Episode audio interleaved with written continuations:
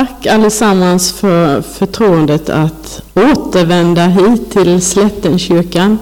Är det någon som inte har stött på mig så är jag Hovslättsbo, så längre resa än så har jag inte.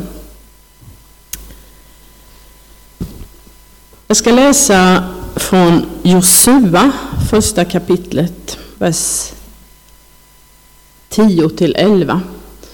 Och eh, när jag gör det så kan vi också ha med oss i tankarna, eller i min predikan, ha med oss tankar från den bibeltext vi hörde tidigare i gudstjänsten. Men nu Josua.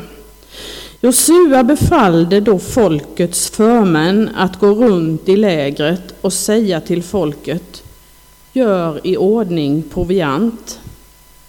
Om tre dagar ska ni gå över Jordan och komma till det land som Herren er Gud ger er och ta det i besittning. I alla tider har människor varit beredda att bryta upp från sitt hemland med hoppet om en bättre tillvaro.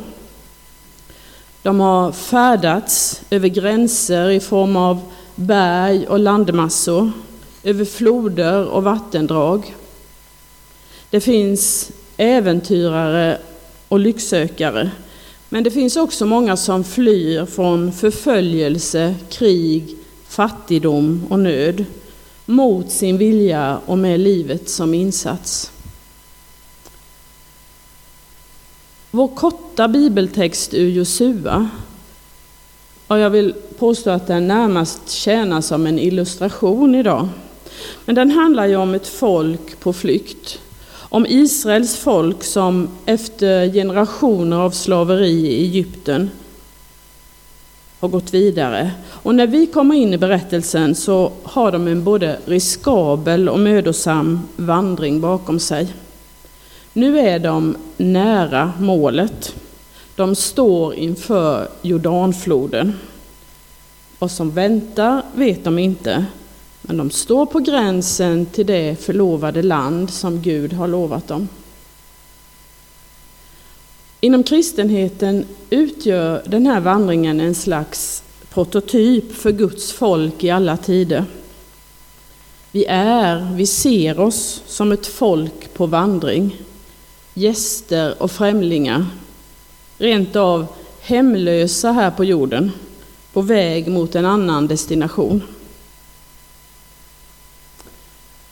I den frikyrkliga tradition där jag har mina rötter, där har förkunnelsen och sångerna om himlen, om hemlandet utgjort ett dominerande inslag. Säkert skulle någon mer kunna räcka upp handen på det. I församlingen, i ungdomsföreningen, i strängmusiken där mina föräldrar hade sin hemvist. Där var tanken på det kommande livet en stark drivkraft, ett motiv för att nå ut med evangelium. Fler måste räddas och nås för himmelen. Idag tänker jag på min mammas trosvisshet och varma fromhet med djup tacksamhet, rent av avund. Men när jag var tonåring och ung vuxen opponerade jag mig mot det i mitt tycke ensidiga betoningen på ett kommande paradis.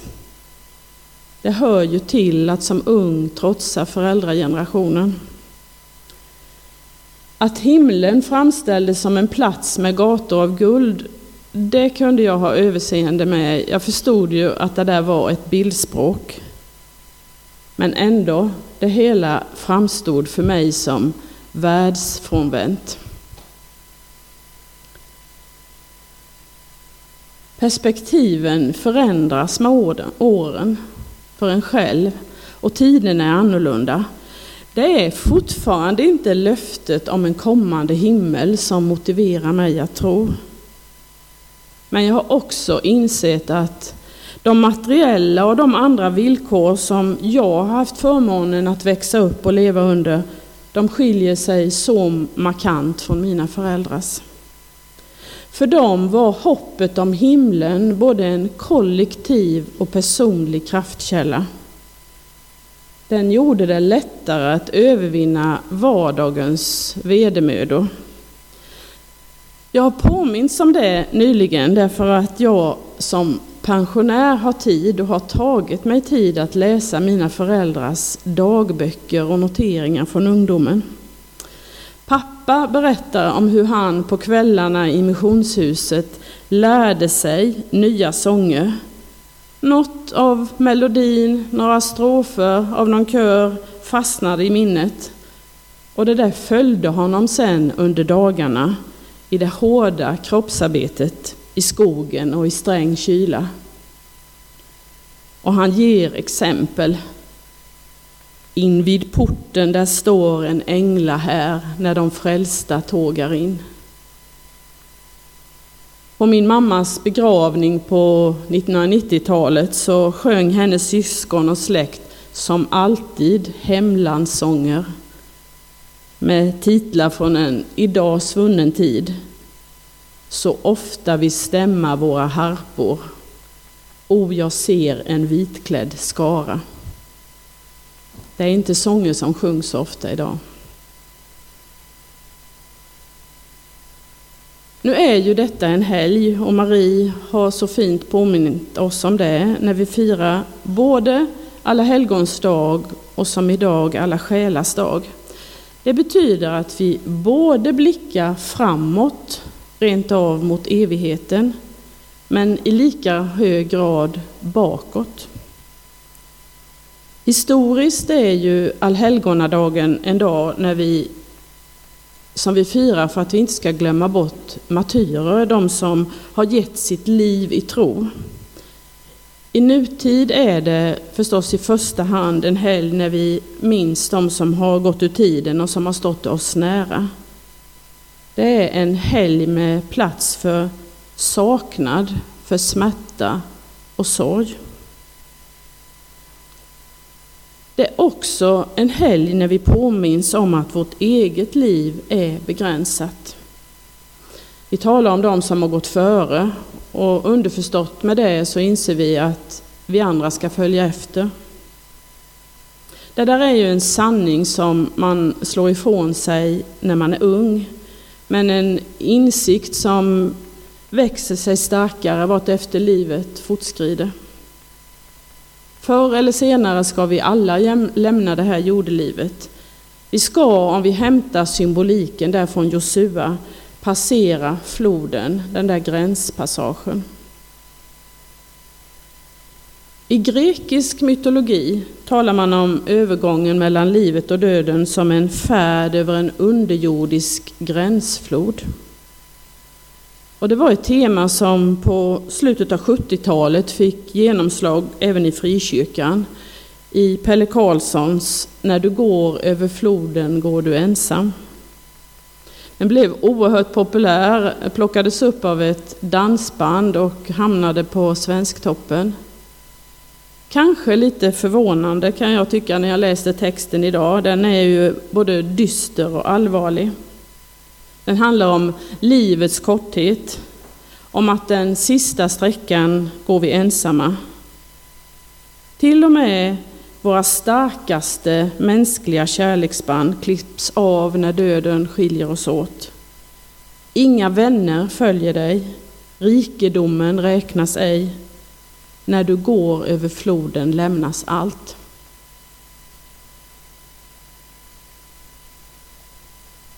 Låt mig få berätta för er om en, ja, en vanlig tisdagskväll för någon månad sedan. Jag finns med ibland i en grupp kvinnor som umgås eh, ett par timmar och eh, delar tankar och eh, ja, möts helt enkelt. Just den här kvällen efteråt, när vi skulle just gå skilda vägar, så säger en av de äldre kvinnorna till mig jag tänker på detta med döden varje dag. Jag blir äldre och jag fattar att det är snart dags. Och det oroar mig. Jag hade i samma veva snappat upp i något nyhetsflöde att Begravningsbyrån Fonus hade genomfört en undersökning där man hade intervjuat 5000 svenskar om deras syn på död, begravning och sorg. Och av deras rapport framgår att det är många, både yngre och äldre, som ofta tänker på döden. Nära fyra av tio personer gör det minst en gång i veckan.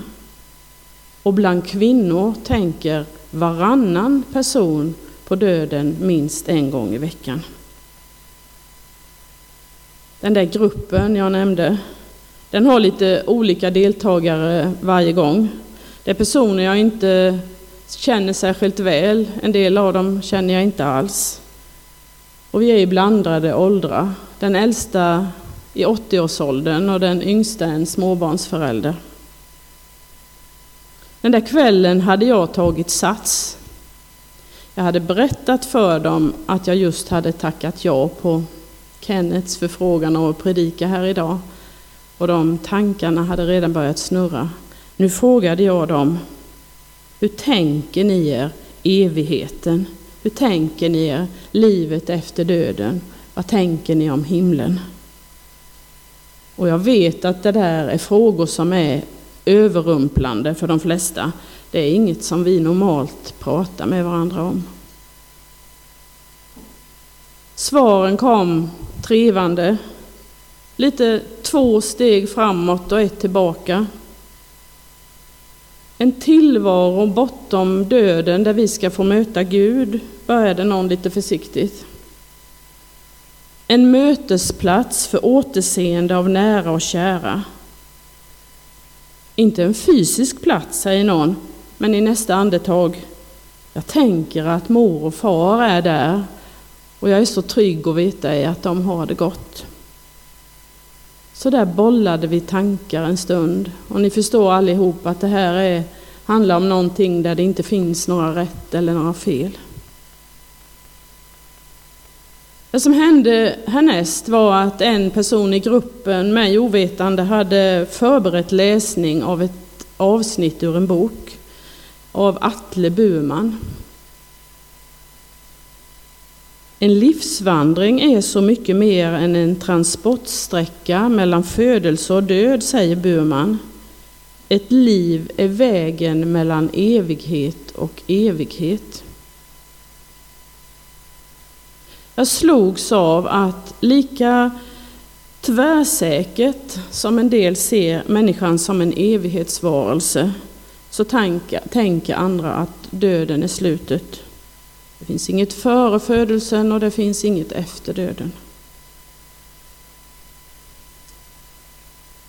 Fonus rapport om livets slut tar inte upp frågor om livet efter detta. Det är inte den slags undersökning. Men man uppmanar oss där att våga samtala med varandra om döden. På många sätt är ju detta den mest fundamentala av alla existentiella frågor. Så enkla frågor och på samma gång så svåra, säger Atle Burman i sin bok. Varifrån kommer jag? Vart är jag på väg? Vem är jag? Det är det som barnet inom oss vill fråga, men så sällan får svar på, fortsätter han. Om barnet inom oss frågar det egna vuxenjaget blir svaret undvikande eller inget alls.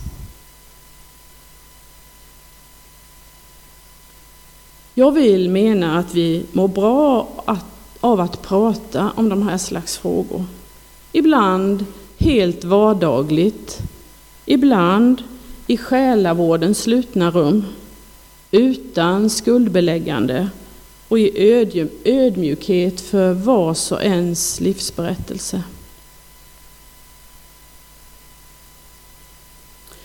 Så är det förstås hög tid att jag också påminner om allhelgonahelgen, att den rymmer mer än sorg och vemod. Det är i allra högsta grad också en helg för hopp och ljusa minnen.